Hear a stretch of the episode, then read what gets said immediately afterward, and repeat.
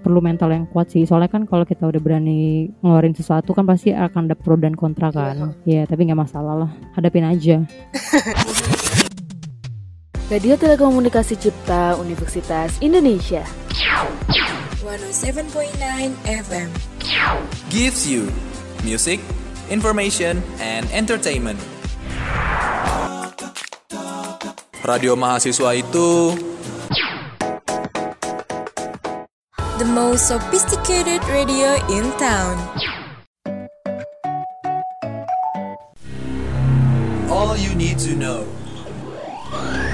107.9 RTC.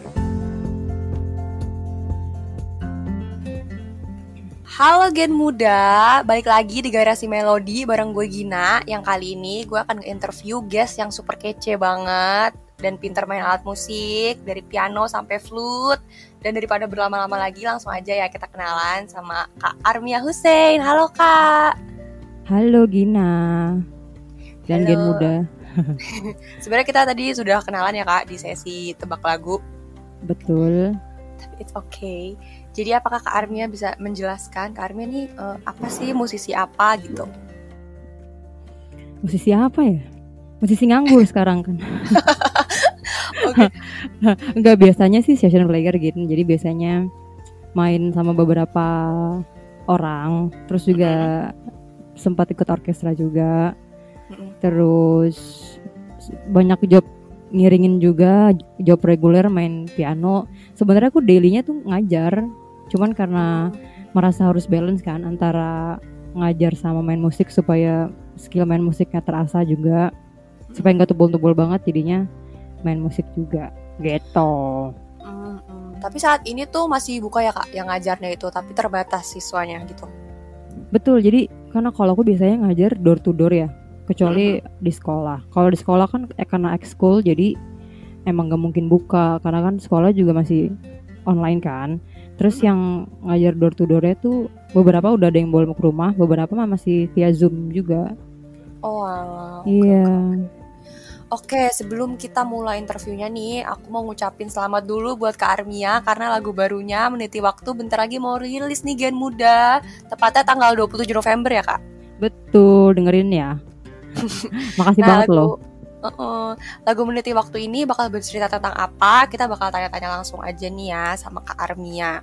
Oke, Kak, jadi gimana nih perasaannya? eh, bentar lagi lagu Meniti Waktunya bakal rilis. campur aduk sih Gin Eh, pertama pasti kan bersyukur ya di pandemi ini masih bisa berkarya. Yang kedua sedih juga karena kan aku bikin orang ini dan orangnya baru aja meninggal bulan apa ya September. Sebenarnya dia meninggalnya bukan karena covid sih cuman dia dimakamkan di Tegal Tegal Alur kalau nggak salah. Emang harus protokol kan.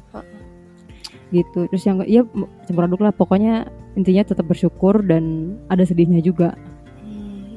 Nah tadi sempat disinggung dikit tuh. Nah mungkin kakak bisa lebih dalamin lagi. Kira-kira nih lagu ini bakal bercerita tentang apa sih kak? Nah awalnya itu ceritanya lucu banget. Jadi aku sempat deket sama si abang. Oh ya aku tuh sebenarnya finalis abang None Gin tahun 2017. Wah ih, keren banget ya ampun. Seorang wanita multi talenta. Lebih. Iya aku sebenarnya finalis None kan. Terus di situ aku kenal banyak banget orang-orang kece pastinya kan yang kayak emang bertangan dingin di bidangnya. Terus aku kenalan lah sama si abang ini namanya Bang Firman. Adi Firman Hakim. Nah lucunya tuh aku sebelum masuk Apnon itu udah ngefans banget sama dia. Oh gitu. Heeh. Nah kamu tahu teater koma nggak? Tahu tahu tahu tahu. Iya, nah aku tuh udah nonton si Bang Firman di teater koma tuh udah lama banget. Nah Oh pas dia main teater. iya dia main teater. Oh, Tapi keren emang nggak emang gak sesering yang lain ya, cuman kayak beberapa peran yang dirasa cocok dikasih lah ke dia gitu. Nah, lalu aku nggak nyangka ternyata si Bang Firman ini juga abang. Tapi kita beda banget tahun jauh kayak seingat aku dia tuh abang 2008 deh. Mm-mm. 2008 Nah, ketemu terus aku tuh- aku inget banget aku ketemu dia langsung bilang gitu Bang Firman gila gue ngefans banget sama lo gue nonton pementasan lo yang ini ini ini terus jadi nyambung gitu. Nah Oh, lo bayangin deh tuh kayak gue udah ngefans banget ketemu sama orangnya ternyata orangnya baik kan humble. Nah mulai sering ngobrol karena lagi pas ngobrol itu lagi sering-seringnya intens terus sering lagi sering bikin cover bareng juga. Jadi dia suka nyanyi. Oh ala- wow. Terus? Jadi kita punya kesamaan hobi gitu. Nah suatu ketika dia disuruh ada ada tugas dari Kemendikbud buat berangkat ke luar negeri Mm-mm. lo bayangin deh itu kan kalau lagi anak-anak yang ngobrol terus tahu kayak ditinggal ditinggal jauh gitu kan Oh, kesepian banget ya rasanya ya. Ya. Iya awalnya terus habis itu gue bikin lah lagu ini buat dia. Itu tahun 2017. Oh ini tuh jadi 2017 lagunya rampung. Iya, gue bikin 2017. Habis itu niatnya pas rilis ini gue bilang bilang ke dia, bang lu inget gak sih waktu kita dulu lagi gini gini gini gitu. Terus gue kan bikin lagu. Nah ternyata gue belum belum sempat bilang ke dia, orangnya udah nggak ada duluan. Oh sedih banget. Iya makanya gue agak ya makanya itu sedihnya di situ dan beberapa lirik ada yang emang gue ganti Oh gitu. Karena dia udah nggak ada kan. Nah jadi li- li- lirik yang tahun 2017 tuh agaknya kayaknya nggak relevan deh sama kejadian yang sekarang. Akhirnya beberapa part ada yang gue ganti gitu loh. Aku boleh nanya nggak kak? Ini pas eh, Kak Firman ini dikasih tahu lagu, eh gue bikinin lagu lo buat lo itu responnya kayak gimana sih? Karena kayak seneng banget pasti. Sumpah gue belum ngomong ke dia kalau ini buat dia. Jadi pas dia Oh, lagi belum? di belum, gue tuh pas gue cuma bilang bang ini gue udah lagu nih. Lu, lu, lu dengerin deh. Terus gue inget banget dia cuma bilang gila non jazz banget gitu. Oh, Bilang- tanpa dia tahu kalau itu tentang dia kan. Iya soalnya kan malu ya gin maksudnya per- pertama belum mengkelarkan dan itu tuh kayak masih cuman pianoan doang Oh alah. belum full kayak sekarang Mm-mm. Tapi jujur ya kak, ini sebenarnya uh, off ini sih dari pertanyaan. Cuma karena kayak gue jadi tertarik gitu. Aku tuh ini sebenarnya uh, nulis-nulis lagu juga kan sama temen.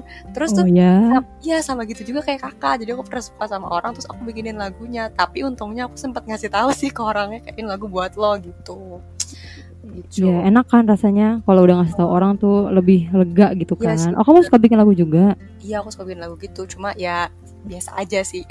Gak, jauh gak boleh ngomong gitu Gina. Karya itu kan jujur sebenarnya kan. Jadi Iya apa pun yang ada di hati lo pikiran lo lo keluarin aja. Itu bukan masalah bagus apa enggak emang itu jujur ala ala kita.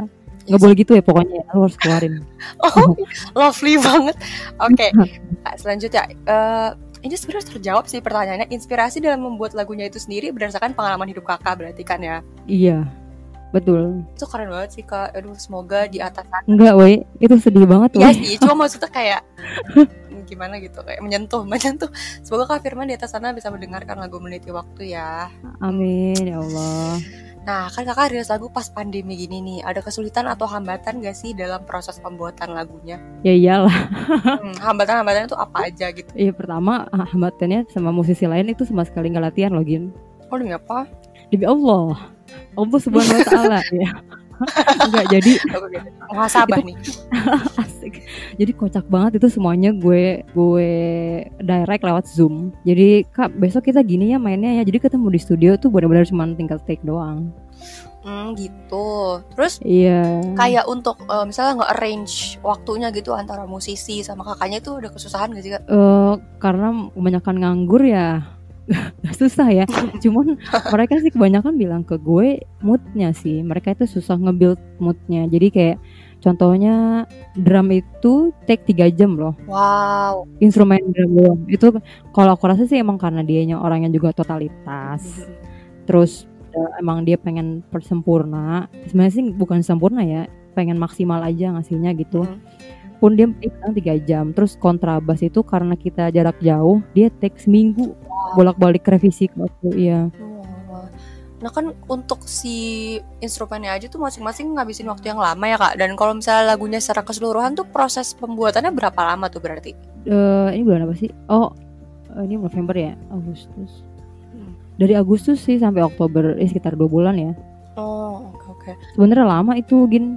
Iya sih lumayan juga ya Nah terus Mm-mm. kayak selama proses pembuatan lagu Meniti Waktu itu ada pengalaman menarik nggak kak? Atau yang berkesan gitu buat kakak? Eh, bentar ya ini tadi gue udah catet nih jawabannya apa apa tadi pengalaman menarik ya Mm-mm. Oh, selain proses produksi selama pandemi dan Bang Firman tahu-tahu meninggal, itu nyari konsep artworknya juga agak susah sih. Jadi kan Oh, ini kalau kamu udah denger lagunya belum? belum. Oh ya nanti kamu dengerin lagunya, itu tuh sebenarnya nadanya agak riang gitu ya, tapi liriknya agak sedih. Jadi pas pertama kali fotografernya denger lagunya, itu dia ngira gue ceritanya seneng bro. Oh, terus dia bilang gini gila Arwi lu gue happy banget. Kita harus colorful nih kita harus colorful. Pokoknya oh, oh. gue mau lo lo, lo pakai baju yang gini-gini. Terus eh lu gila ya? Lu udah denger liriknya belum? Belum belum. Plot twist ya ternyata. Iya. wah, parah gitu akhirnya ya udah akhirnya muncullah itu kan kayak Tapi kamu udah lihat artworknya belum? Yang Artwork kayak meniti waktu. ya, shaking shaking foto gitu. Itu yang oh itu yang ini kan kayak self portrait kakak gitu black and white bukan sih? Iya, self portrait pun dan sebenarnya itu agak shaking. Oh. Jadi konsepnya inilah deh apa ekspresionis eh, blur lah pokoknya intinya. mm, mm, mm. Apa ya? Kontemporer. Hmm, Oke. Nah, ngebahas soal artwork nih aku juga ini nggak ada di list pertanyaan, cuma jadi penasaran. Menurut kak, menurut kak, kakak sendiri tuh kayak artwork eh, itu sepenting apa sih untuk kayak suatu karya yang musik itu sepenting apa sih artwork itu menurut kakak? Awalnya sih aku pikir itu nggak terlalu penting ya. Jujur-jujur nih. Mm, Cuma setelah aku ngobrol sama si Jamal ini yang fotografer aku ini dia bilang itu penting ternyata buat branding.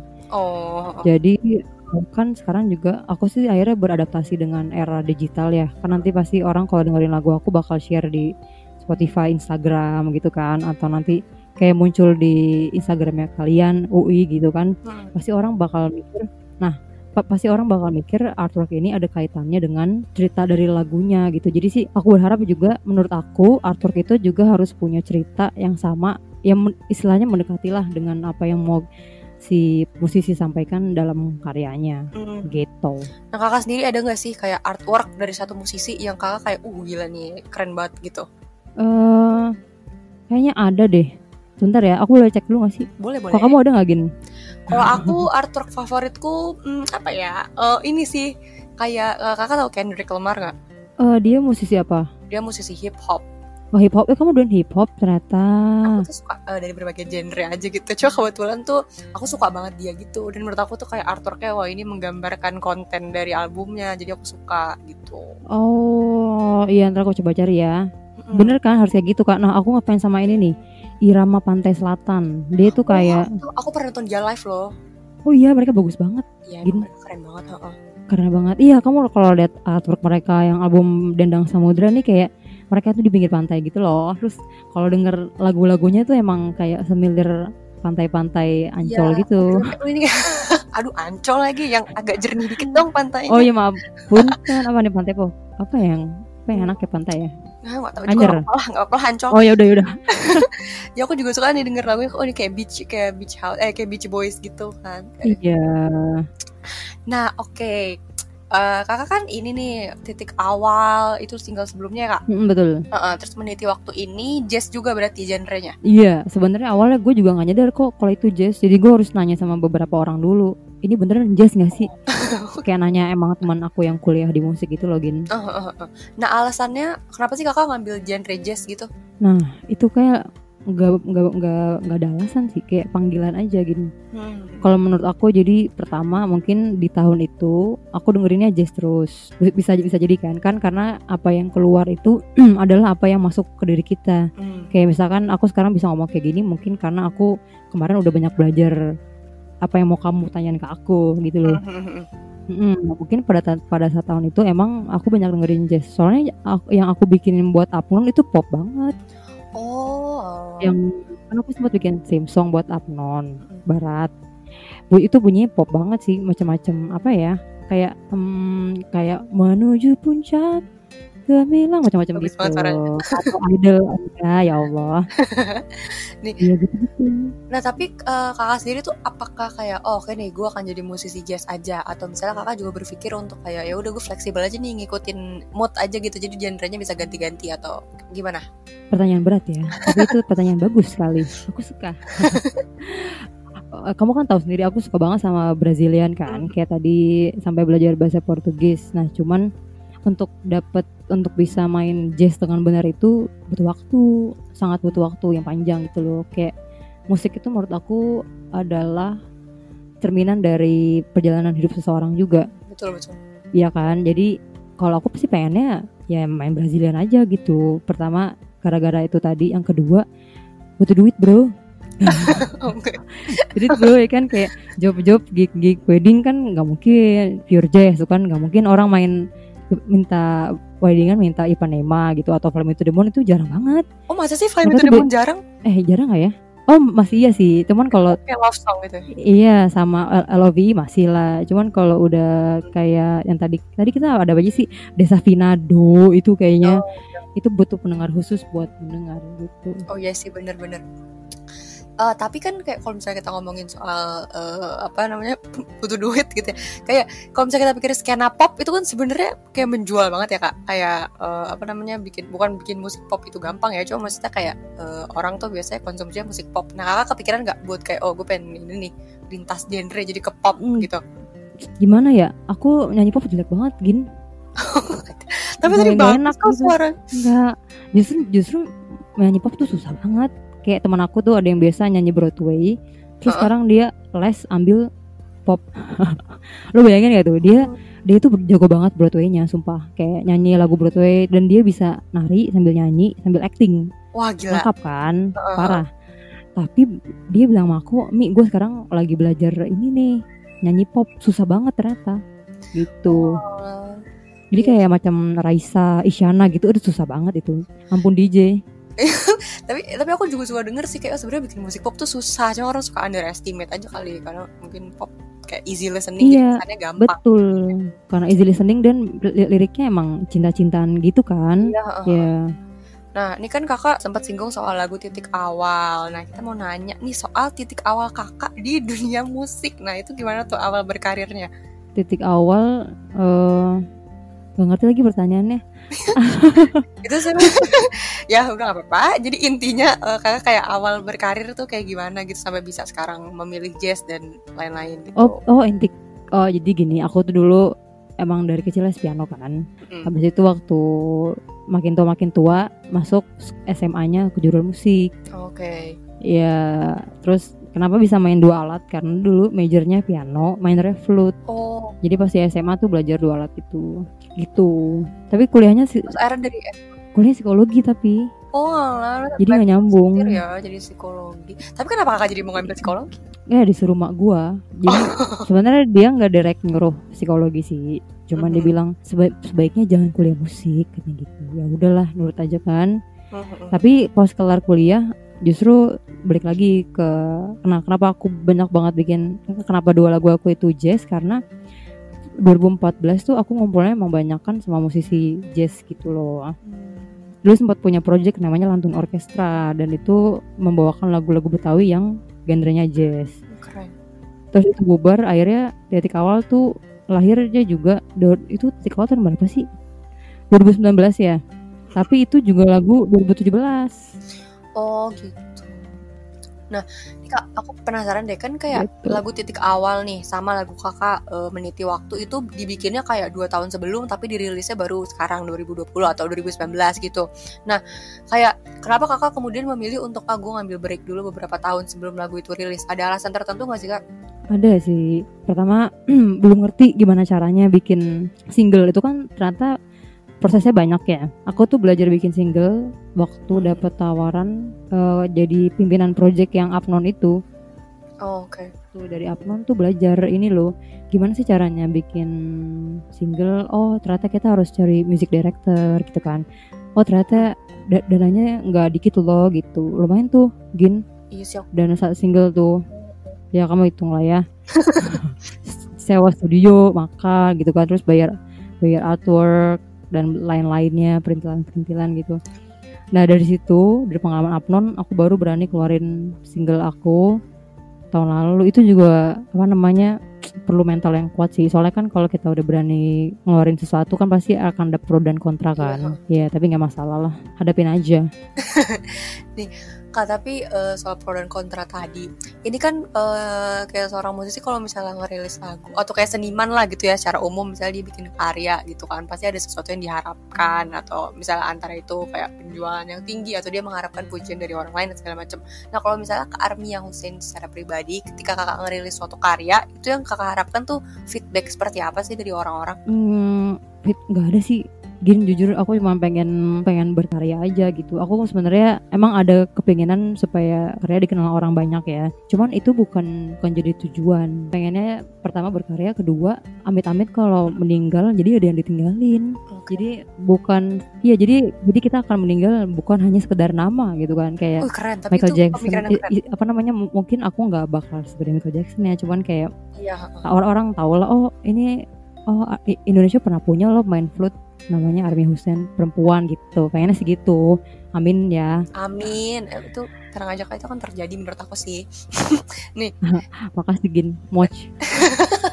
Ya. Tapi kayak kayak musisi jazz yang kemudian kayak eh, apa namanya mendorong kakak untuk atau menginspirasi kakak lah dalam bermusik tuh siapa kak? oh nyan bagus ini. Ini gue lagi gue pertama kali suka jazz tuh gara-gara Nesya Ardi gitu gak lo Jujur nggak tahu. vokalisnya. Nonaria. Eh, tapi kamu nggak tahu Nonaria Nonaria, ya? eh Nonaria aku tahu, tapi nah aku nggak itu tahu member. vokalisnya. Oh, nggak apa nanti kamu lihat. Nah dia itu dia itu dia itu bisa banget bawa suasana stage jadi senang. Kalau kamu pernah lihat Nonaria perform itu dia pasti membuat orang lain yang nonton senang gitu. Jadi dia ngasih tahu kalau musik jazz ini nggak perlu ribet loh. Maksudnya kan emang jazz tuh susah ya untuk orang-orang awam. Tapi aku pertama kali bisa main sama dia itu ngerasa musik apa musik jazz tuh asik dan perform itu asik dan nonton dia pun jadi asik gitu. Nah kakak ini nggak mungkin kepikiran gak nih untuk kayak kolaborasi lah dengan Nonaria? Karena kayaknya bisa keren tuh. ya doain ya. Tapi sebenarnya alhamdulillah si kak, kak Ines ini bantuin aku sih jadi vokal director. Oh keren dong berarti. iya alhamdulillahnya begitu Kakak bilang nggak kalau kakak ngefans sama dia gitu? jadi udah tahu lah siapa yang ngefans dia nah Oke oke. Nih, eh ini udah terjawab semua pertanyaan gimana ya? Oh, Oke, kak, nih, kakak kan juga sering sering collab ya sama artis-artis. Boleh diceritain gak sih kayak pengalamannya dan bagaimanakah perasaannya collab dengan artis? Kayak wow aku bersama artis atau kayak yobe aja gitu. Gimana pengalaman? Pertama pengalamannya sih senang ya. Yang harus dipelajari dari mereka itu mereka humble. Oh, oke. Jadi semakin kenal orang ternyata memang semakin humble sih. Hmm. itu aja intinya. Jadi eh, mereka sangat memperlakukan orang lain dengan baik terus care juga. Semua sih hampir mayoritas yang pernah aku iringin kayak Ivan Seventeen tuh baik banget. Oh iya. Ya dia termasuk orang yang baik ramah gitu. Dalam bidang bisnis tapi ya bukan yang ramah sebagai teman enggak. Jadi kalau latihan kayak gimana Hmm. dan lain-lainnya. Oke, terus masih berhubungan nih dengan pertanyaan yang tadi. Pengalaman yang paling menarik selama kakak collab bareng artis tuh ada ada nggak kira-kira? pengalaman menarik? Kalau menurut aku semuanya membekas gitu loh Gin. Jadi pasti kan sebuah kehormatan ya buat aku bisa kok ngiringin mereka yang tadi aku bilang. Just jadi setiap panggung itu berbeda. Tapi yang paling aku senang itu aku bisa main di Asian Games ya. Apa para Games ya. Oh, keren. bareng Hiroaki, Hiroaki Kato ada orang Jepang gitu. Mhm. itu dia hubungin aku Hamin satu atau Hamin dua gitu. Army Army bisa ngebantuin di main Asian Games? Ya mau lah ya kan? Itu kan Mm-mm. event berapa tahun sekali dan nggak setiap tahun di negara kita juga kan. Itu seneng banget sih itu yang paling aku ingat sampai sekarang. Keren. Oke nih kak, karena pertanyaannya rata-rata sudah terjawab, aku akan freestyle aja ya nanyanya. Ini kak, boleh. Nah kakak ini gak sih kayak keputusan untuk bermusik itu didukung gak kak sama orang-orang terdekat? ya awalnya sih 50-50 tapi begitu lihat kayaknya aku nggak lepas-lepas kayaknya mereka ngasih juga. Cuman tetap kayak ngontrol dari jauh gitu. Kasih koridor aja hati-hati. Ada yang sisi gelapnya ini yang ini boleh diikutin yang ini enggak Nah, kakak ini nggak eh, berencana untuk bikin album kah, bikin EP kah, atau rilis single lagi dalam waktu dekat? iya pengennya IP doainnya bisa tahun depan aku udah sebenarnya materinya udah ada cuman Mm-mm. duitnya aja nggak ada bro It's okay, it's okay, gak apa-apa. Nih kak, tapi untuk eh, EP nanti kira-kira eh, kakak mau ngebahas soal apa sih gitu? kehidupan ya pengen sih tentang se- seputar kehidupan sama aku tuh pengen banget punya lagu rohani satu kan aku muslim nih Kamu tahu Ciki Fauzi gak sih Oh tahu-tahu. aku pengen aku tuh aku juga terinspirasi dari beliau yang bikin satu lagu dari kisahnya Nabi Yusuf kamu muslim kah Iya aku sih, aku tahu itu yang dimakan paus kan? iya belukar iya. kisah belukar dunia dia bikin lagu belukar dunia itu Oh keren. Oh, kalau misalnya kakak bikin lagu rohani, pengen kayak gitu juga tentang cerita nabi atau? tentang enggak ada deh pokoknya aku udah bikin Oke. Mungkin mungkin tentang hal yang paling simpel kali ya tentang sholat harusnya ya Oh boleh, boleh tuh untuk memotivasi gen muda sekalian biar sholat. memotivasi gua juga dan nggak memotivasi. bolong-bolong cuy Ya betul betul betul. Nah, Kak, kalau misalnya proses penulisan lagunya sendiri, Kakak apakah eh, mendapatkan inspirasi dari hal-hal sekitar Kakak atau kalau misalnya kayak Kakak dengerin musisi lain terus kayak oh keren juga nih nulis lirik kayak gini. Kayak proses penulisan liriknya tuh kayak gimana sih untuk Kak Armia sendiri?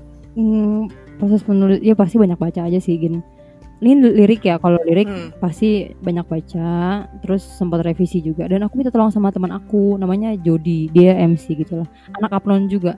Oh, berarti dia dari Apnon nih banyak dapat koneksi gitu ya, Kak? iya Apnon tuh kamu masuk Apnon deh ada kasus gitu gua. Banyak loh Apnon anak UI Iya, emang temen temen aku juga ada yang Apnon. iya iya masuk aja gin. Seru banget pasti. Kamu bikin radio habis itu ya? Radio Apnon by Gina? apa sih gua nih Ini brand ambassador Apnon kayak gini. Nah, Kak, oke, terus kayak eh, kalau misalnya nulis lirik tuh eh, apakah Kakak punya kayak apa ya role model gitu lah atau kayak panutan tertentu gitu dalam menulis lirik atau dalam bermusik secara umum lah gitu. kalau musik udah pasti sih itu ya Antonio Carlos Jobim Mhm. yang orang Brazil itu kalau lirik jujur nggak ada aku tuh dulu aku tuh dulu pernah baca Khairul Anwar pernah Mhm. habis itu kamu baca Terlie nggak Aku nggak baca, tapi karena aku Tapi tahu. jurusannya sastra Indonesia jadi harus membaca. oh iya kamu tahu kan Heeh. Terlie terus Dewi Lestari pernah tapi karena dia terlalu tinggi otak gue kadang-kadang nggak nyampe ya Oh iya, it's okay. terus pandemi ini aku lagi baca Cak Nun Oh, Cak Nun dia, dia bisa banget sih tapi dia gaya penulisannya aku Iya. suka itu nah Kak, aku mau kalau balik kamu lagi. suka baca siapa? Oh, aku suka baca ini. Aku suka baca adalah nama penulis namanya Laksmi Pamuncak. Laksmi Pamuncak dia tentang apa biasa nulisnya Heeh. Dia tuh ini yang aku suka tuh ada judulnya Amba. Jadi tuh ceritanya dia ngangkat dari cerita wayang gitu di pewayangan kan ada tokoh namanya Amba. Cuma sama dia tuh dibikin jadi kayak apa ya? Jadi lebih dimodernin gitu. Cuma menurut aku keren banget karena sangat empowering lah untuk perempuan kalau baca itu kayak oh cewek bisa kayak begini gitu. Oh, tapi dia bukan fiksi ya? Dia Tapi beneran sastra ya? Enggak dia fiksi, dia fiksi kok. Cuma dia Oh, ngambil tokohnya dari pewayangan gitu. Oh, sebenarnya keren tuh bisa membuat gen muda tahu tokoh pewayangan ya Iya, bagus ya heeh. sebenarnya. makanya aku juga jadi nyari si wayang Amba itu karena baca bukunya. Oh, oke ntar aku cari deh. Ini jadi buku ya, bukan blog ya? Ini buku, heeh. Oke oke. Eh, kak aku pengen ini nih kayak balik lagi ke tadi kakak kan psikologi ya berarti eh, kuliahnya kan nah menurut kakak kayak major kakak di psikologi itu ada pengaruh gak sih dengan kayak kakak bermusik atau dengan cara kakak eh, ya menulis lirik segala macam itu ada pengaruhnya nggak kak? Nggak tahu deh. Tapi kalau maaf gue jujur ya. Tapi gue rasain di ngajar lebih asik sih. Jadi kan jadi sering baca jurnal pendidikan anak kan. Terus jadi gue sekarang tahu gitu loh gimana celah-celahnya anak kecil biar bisa betah. Dulu duduk main piano terus lo lo ngerti baca not lo ngerti ritme gimana bikin mereka suka sama musik dulu. Uh-uh. soalnya anak sekarang tuh nggak bukan kayak zaman gua dulu yang gurunya galak terus mereka tunduk. Udah udah nggak bisa. Beda banget zamannya kamu tahu kan dulu kan ada rumornya guru piano galak kan? Eh tapi itu ya itu kayaknya rada bener deh karena karena tuh waktu itu aku sempet ini malah cuma iseng doang sih. Temanku kan bisa main piano kan. Terus kayak di rumahnya ada Hmm. piano abis itu bilang eh ajarin gue dong. Galak banget padahal kita temen loh. Tapi dia kayak galak gitu jadi kayak "Hmm, apakah ini Iya, nah iya emang dari dulu tuh rumornya guru guru piano tuh galak. Terus pas makin ke sini gue liat murid gue tuh udah nggak bisa digalakin lagi. oh, iya. Ma- harus kita masukinnya pakai fun sambil apa tuh sambil bermain dan belajar lah gitu. Mhm. nah tapi Itu bisa. kakak sih muridnya tuh oh dari usia berapa berapa sih Sekarang sih dari empat ada ya, oh iya empat sampai ibu-ibu juga ada sih. Hmm. Cuman iya, cuman ibu-ibunya nggak terlalu banyak. Nah, Cuman aku sih sebenarnya usia berapapun aku mau ngajar kok. Jadi nggak kayak kotak-kotakan gitu. tapi kesulitan terbesar dalam mengajar tuh apa kak? Kesulitan terbesar dalam mengajar adalah melawan ego. Kan jadi eh, aku tuh nggak mau murid aku jadi kayak aku. Jadi sebagai guru yang baik katanya sih ya harus keluarin potensi terbesar muridnya. Jadi jangan sampai misalnya aku ngajar kamu nih terus nanti kamu main flute-nya kayak aku banget atau main kayak aku banget. Jangan. Kalau bisa kamu punya warna sendiri dan aku harus bantu kamu buat nemuin kamu sebenarnya mau main musik apa sih misalnya aku suka hip hop ini oh ya udah aku bantu kamu dengan aku yang background aku yang kayak gini untuk membuat kamu sebagai musisi hip hop gitu contohnya gin oh keren kak kakak ini nggak ada film terkait musik yang paling kakak suka yang baru-baru ini sih paling The Showman ya Oh, Great Showman. Eh, jujur aku Sama belum nonton. La La Land. Eh lu nonton cuy. Itu belum nonton, meskipun kayak La La Land. La La Land Into the Woods. Asik gue mau kok Sumpah, banget Into the ya. Woods, Into the Woods aku suka banget tapi Into the Woods. Itu keren banget. Itu susah banget maininnya gin. Ya itu. Soalnya aku pernah ini, aku kan teater ya dari SD sampai SMP. Terus SMP tuh pernah teater Into the Woods. Terus jadi kayak "Mm, susah, sulit banget sih emang. Oh kamu teater Into the Woods zaman SMA. SMP, SMP. Di mana SMP-nya? Aku SMP di ah pasti kakak nggak tahu. Itu ada sekolah alam gitulah namanya Citra Alam di Ciganjur, Jakarta Selatan. Eh tapi keren banget loh cuy sekolah alam. Emang jujur ya, meskipun orang suka ngata-ngatain aku yang kayak "Eh, lu sekolah ngapain nyangkul gitu, tapi sebenarnya sekolahnya keren. Tapi ya kan maksudnya jadi kamu berarti di alam gitu kan? Gak ada dinding gitu apa gimana sih? Kenapa sih orang mikir kayak gitu? Iya, tapi- Enggak sebab ini tuh kayak kayak ada gedungnya kok ada gedungnya. Misalnya kayak kayak sekolah pada umumnya. Cuma tuh eh, ya itu dikelilingi sama kayak pohon-pohon. Habis itu ada sungainya ada jembatannya. Habis itu kayak pakai saung. Pakai saung gitu ruang gurunya. Jadi lucu lah pokoknya. Oh ya Allah, lu beruntung banget sih Gin ng- ngerasain sekolah. Alam pasti dingin deh. iya. Iya dingin. Sama tuh kalau misalnya kayak hujan ada suka ada ular gitu. Eh pokoknya aneh lah. Itu serem sih. itu serem. Enggak, tapi pengalaman lucu kok. Itu. Patut buat dikenang itu. Iya. Buat anak cucu ya. buat Nenek dulu pernah kuliah sekolah alam loh. ular loh iya kan keren ya Ada ular loh. Kalian berani nggak sama ular? unik unik banget ya Iya. Iya. tapi ada film musik Kocak. ini judulnya Whiplash kakak tau nggak Oh tahu itu serem banget Gin. eh, tapi itu seru tau Eh kamu nonton? nonton Serem kan darah-darah gitu gue takut. enggak itu cuma satu scene doang tapi emang itu kayak gila sih itu bener-bener emang emang guru galak ya definisi guru galak itu galak banget sampai tapi sebenarnya ada beberapa orang sih yang bisa digituin Gin. Tapi ada beberapa gitu yang mental juga sih. Ngeri boy. Oh, oh, Psikologisnya terganggu kali ya. iya iya makanya makanya dia jadi yang kayak sampai berdarah masih dilanjut itu kan pasti karena Iya, itu apaan? Itu kenapa gitu? Ya udah, udah, oke, serem boy. Eh, oke kak Eh, kakak punya ini enggak tadi kan aku nanya artwork nih kalau album favorit kakak punya atau albumnya kayak nggak nggak impactful banget lah untuk kakak gitu Eh, ya gue harus nyari dulu. Mendingan sambil gue nyari, lu ceritain gue. Lu album lu apaan? oh oke album favorit aku adalah kakak tau nggak Seza Tuh kan. Bocah ya aneh-aneh banget ya Allah. Gak tau, gak tahu. Tapi coba ceritain aja itu hip hop juga berarti. bukan bukan bukan itu bukan hip hop dia dia R&B gitu aku tuh sebenarnya sukanya karena dia tuh liriknya yang kayak jujur banget gitu loh kak tapi tuh jujurnya yang kayak apa ya kayak frontal gitu lah kayak kata-kata yang kayak anjir nih orang nulis pakai kata-kata ini tapi aku jadi suka gitu kan kayak dia kayak bener-bener nulis apa yang dipikirin gitu loh Tapi itu bahasa Inggris, apa bahasa Indonesia? itu bahasa Inggris Oh. nah kalau misalnya album Indonesia favorit tuh apa ya Hmm, Aku tuh jujur udah lama nggak dengerin satu album gitu loh. eh, Gin. sama aku juga aku dengerin bisa Iya sekarang tuh kayaknya kalau langsung keluarin EP sebenarnya agak ada ketakutan gak didengar nggak sih? Kayaknya menurut aku orang Indonesia kalau nggak kalau nggak kenal kenal banget ya, mereka nggak bakal buka satu album itu. Mungkin gak sih? Iya sih benar-benar. Iya bener sih kak. Cuma kayak kalau misalnya eh, satu single kayak meledak gitu, ntar otomatis pasti orang kayak ngecek EP-nya gitu sih? Nah, iya betul betul Insya Allah. Tapi nggak tahu deh. Pokoknya tahun depan Amin. lihat aja deh. Mungkin EP, mungkin single lagi. Oke. Nah, selain Nonaria, eh, ada nggak kak musisi Indonesia lain yang apa namanya menurut kakak kayak oh kece Oh ada. nih, gitu. Lo pasti tahu siapa nih? Siapa? Ardito Pramono. Wah, Keren kan? Keren kan? wah idola idola para remaja banget. Eh tapi gue bukan remaja loh. Oh iya ya, aku Gue tuh pertama kali, iya gue udah tua ya kedengeran banget dari suaranya kayak nenek-nenek kan. Gue tuh pertama kali denger dia gara-gara dia nyanyi itu Fine Today. Terus kayak anjir siapa nih yang nyanyi? Maksud gue sekarang kan Indonesia musiknya bukan lagi kayak gitu kan. Dia tuh kayak ngebawa Ya, warna baru gitu loh, Gin. Dan bisa menghipnotis orang-orang Iya sih. dengerin dia tuh menurut gue hebat banget.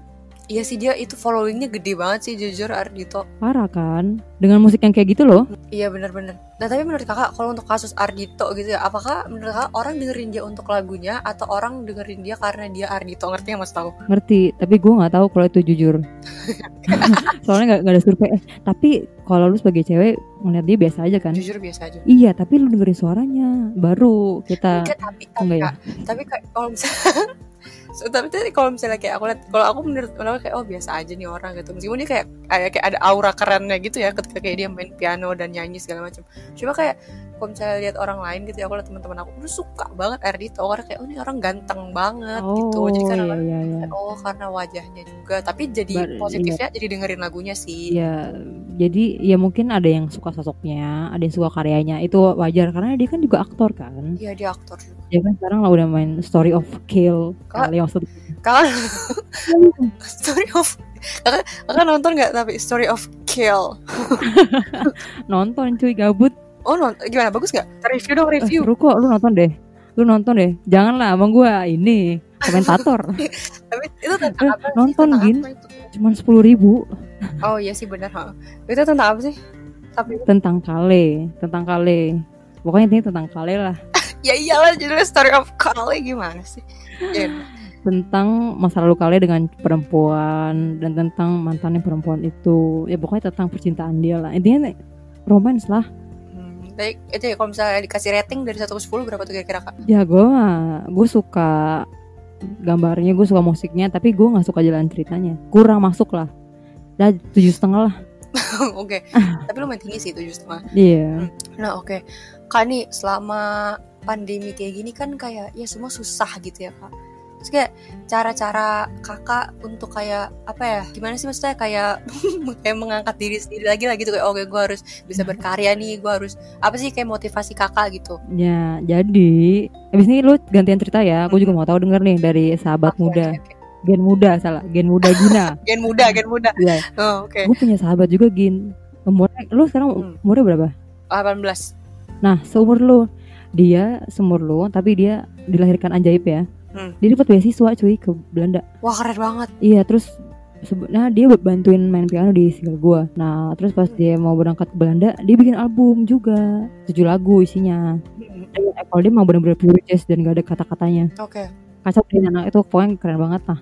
Pas gue bilang sama teman gue ini namanya Kashfi, gue gue biasa manggil dia AA karena dia orang Bandung ya. Oh, iya. Terus anak pertama dia bilangnya AA gitu ya. bagus-bagus namanya Kashfi panggil AA jadinya nggak apa-apa.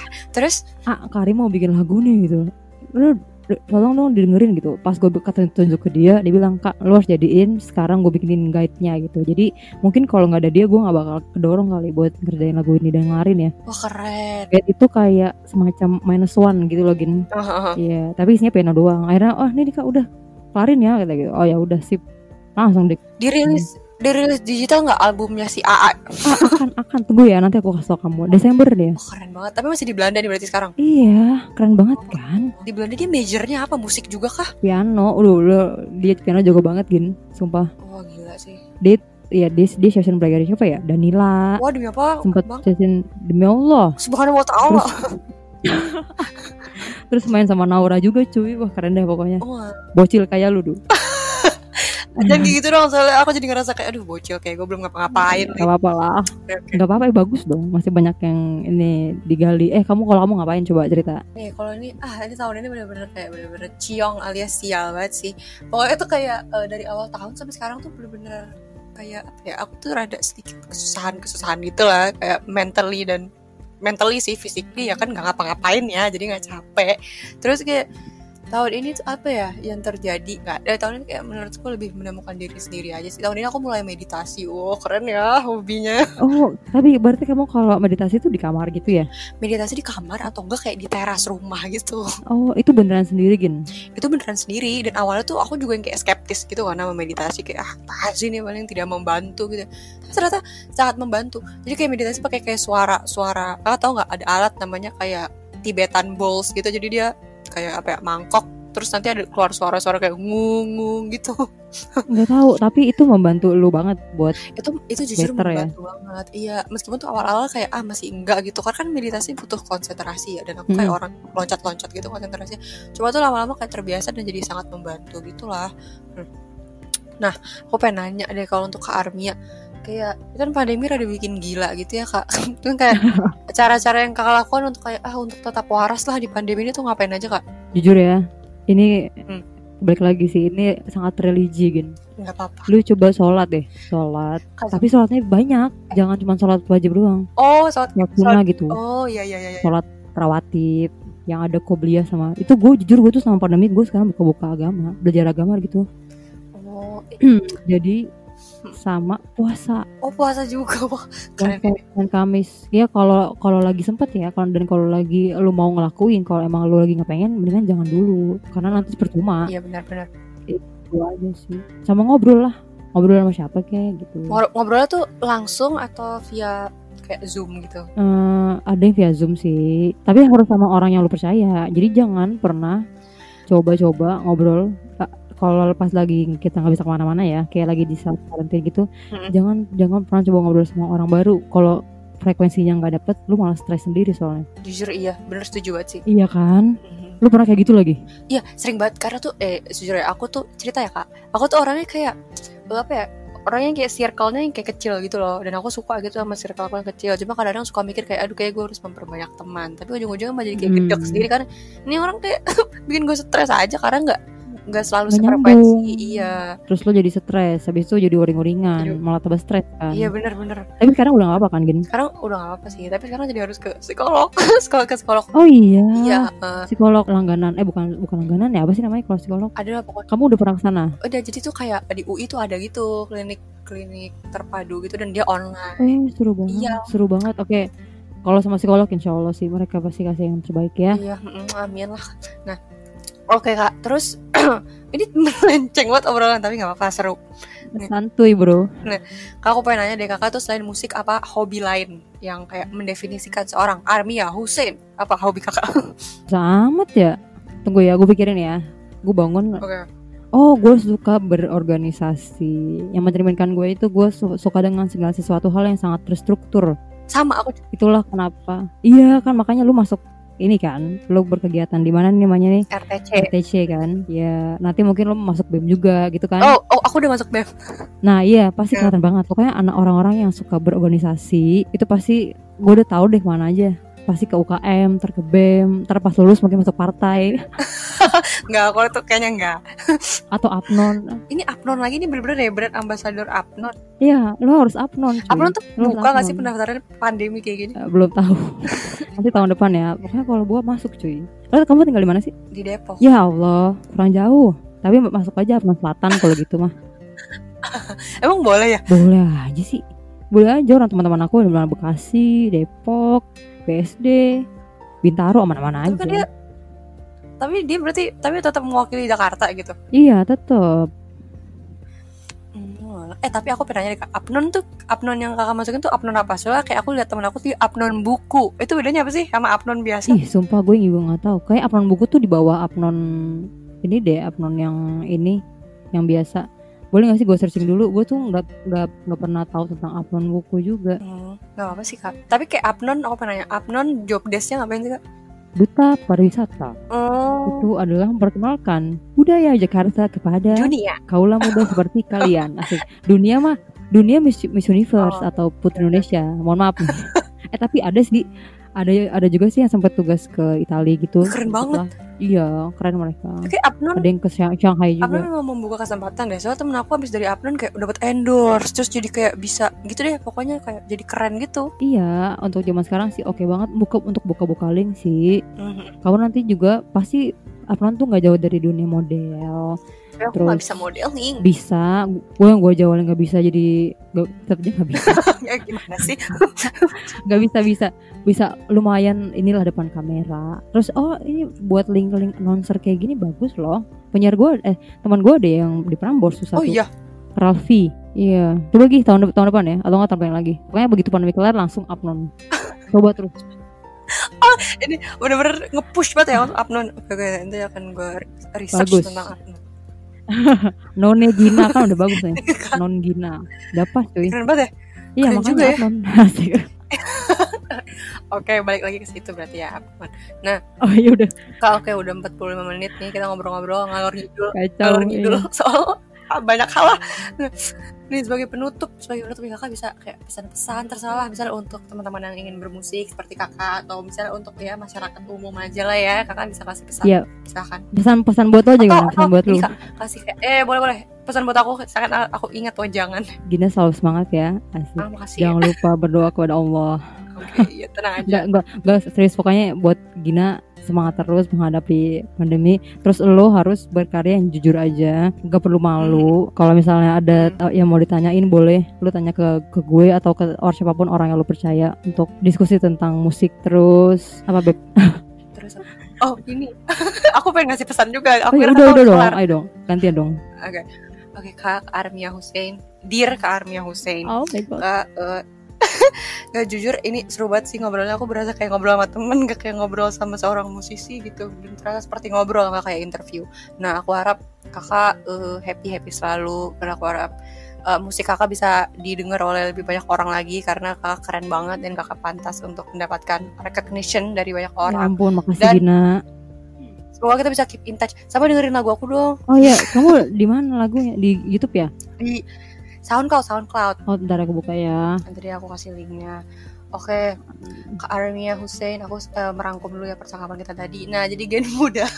Aduh, aneh banget bridgingnya, maaf, maaf. Dan pokoknya udah seru banget nih ngobrol sama Kak Armia Hussein, ngobrol soal hal-hal yang dari jelas sampai kayak mulai nggak jelas sampai promosi soal Abang None, semuanya sudah kita bahas di sini. Jangan lupa ya untuk dengerin Meniti Waktu pada tanggal 27 November karena lagunya meaningful banget lah untuk Kak Armia dan bisa langsung didengerin di mana kak ini apakah tersedia di semua platform musik Dah, gue nggak apa lagi. Nih yang gue inget ya. Dengarkan Spotify. meniti waktu di Spotify, iTunes, Apple Music, Joox, Jokes Langit Musik, dan TikTok. Satu lagi gue lupa apa gitu. ini bakal ada ini nggak musik video atau video liriknya gitu Ada insya Allah, tapi belum tahu rilis kapan. Doain bisa secepatnya ya. Amin. Oke guys berarti tunggu juga ya untuk musik videonya yang akan rilis nantilah coming soon pokoknya. Oke deh Iya. jangan sampai lupa Gen Muda catat tanggal 27 November bakal ada lagu baru dari Kak Armia Hussein dan thank you banget udah mau dengerin kita di Garasi Melodi. Khusus buat episode kali ini kita bakal update di IGTV at RTT, RTCUIFM dan tentu aja di podcast kita Rumah Tuan Cerak. Jangan di, jangan lupa di follow dua-duanya ya dan eh, promosi eh sorry gue malah baca ininya disuruh promosiin ke Kak, Arm, ke Kak Armia ini ya kak follow IG-nya Duh dasar Nih kakak follow IG-nya RTCU ya Sama dengerin podcast Oh, udah. Oh iya Udah, we, gue udah follow, we. Gila lu. Ya bagus-bagus Masa nggak follow? Eh, Nanti- follow IG sekali sekalian harusnya. Oke Nanti di follow back ya Kak eh, nanti jangan lupa ya Dengerin podcastnya kalau udah di up Ini kenapa sih akhirnya rencana keluarnya? Kayak minggu Kayaknya tuh biasanya sih minggu depan ya Minggu depan ya? Seminggu dari Seminggu, seminggu dari sekarang Eh Oh. kita tuh Kalau nggak salah tiap hari Jumat Aduh sorry lupa Tapi Oke. pokoknya Kayak setelah oh, pas banget keluar ya. Nah itu kan cocok banget lah Oke Love you all Take care dan bye-bye Bilang bye-bye kak Oke, bye bye semua. Bye bye Gina. Bye-bye Thank you banget ya kak Iya, thank you.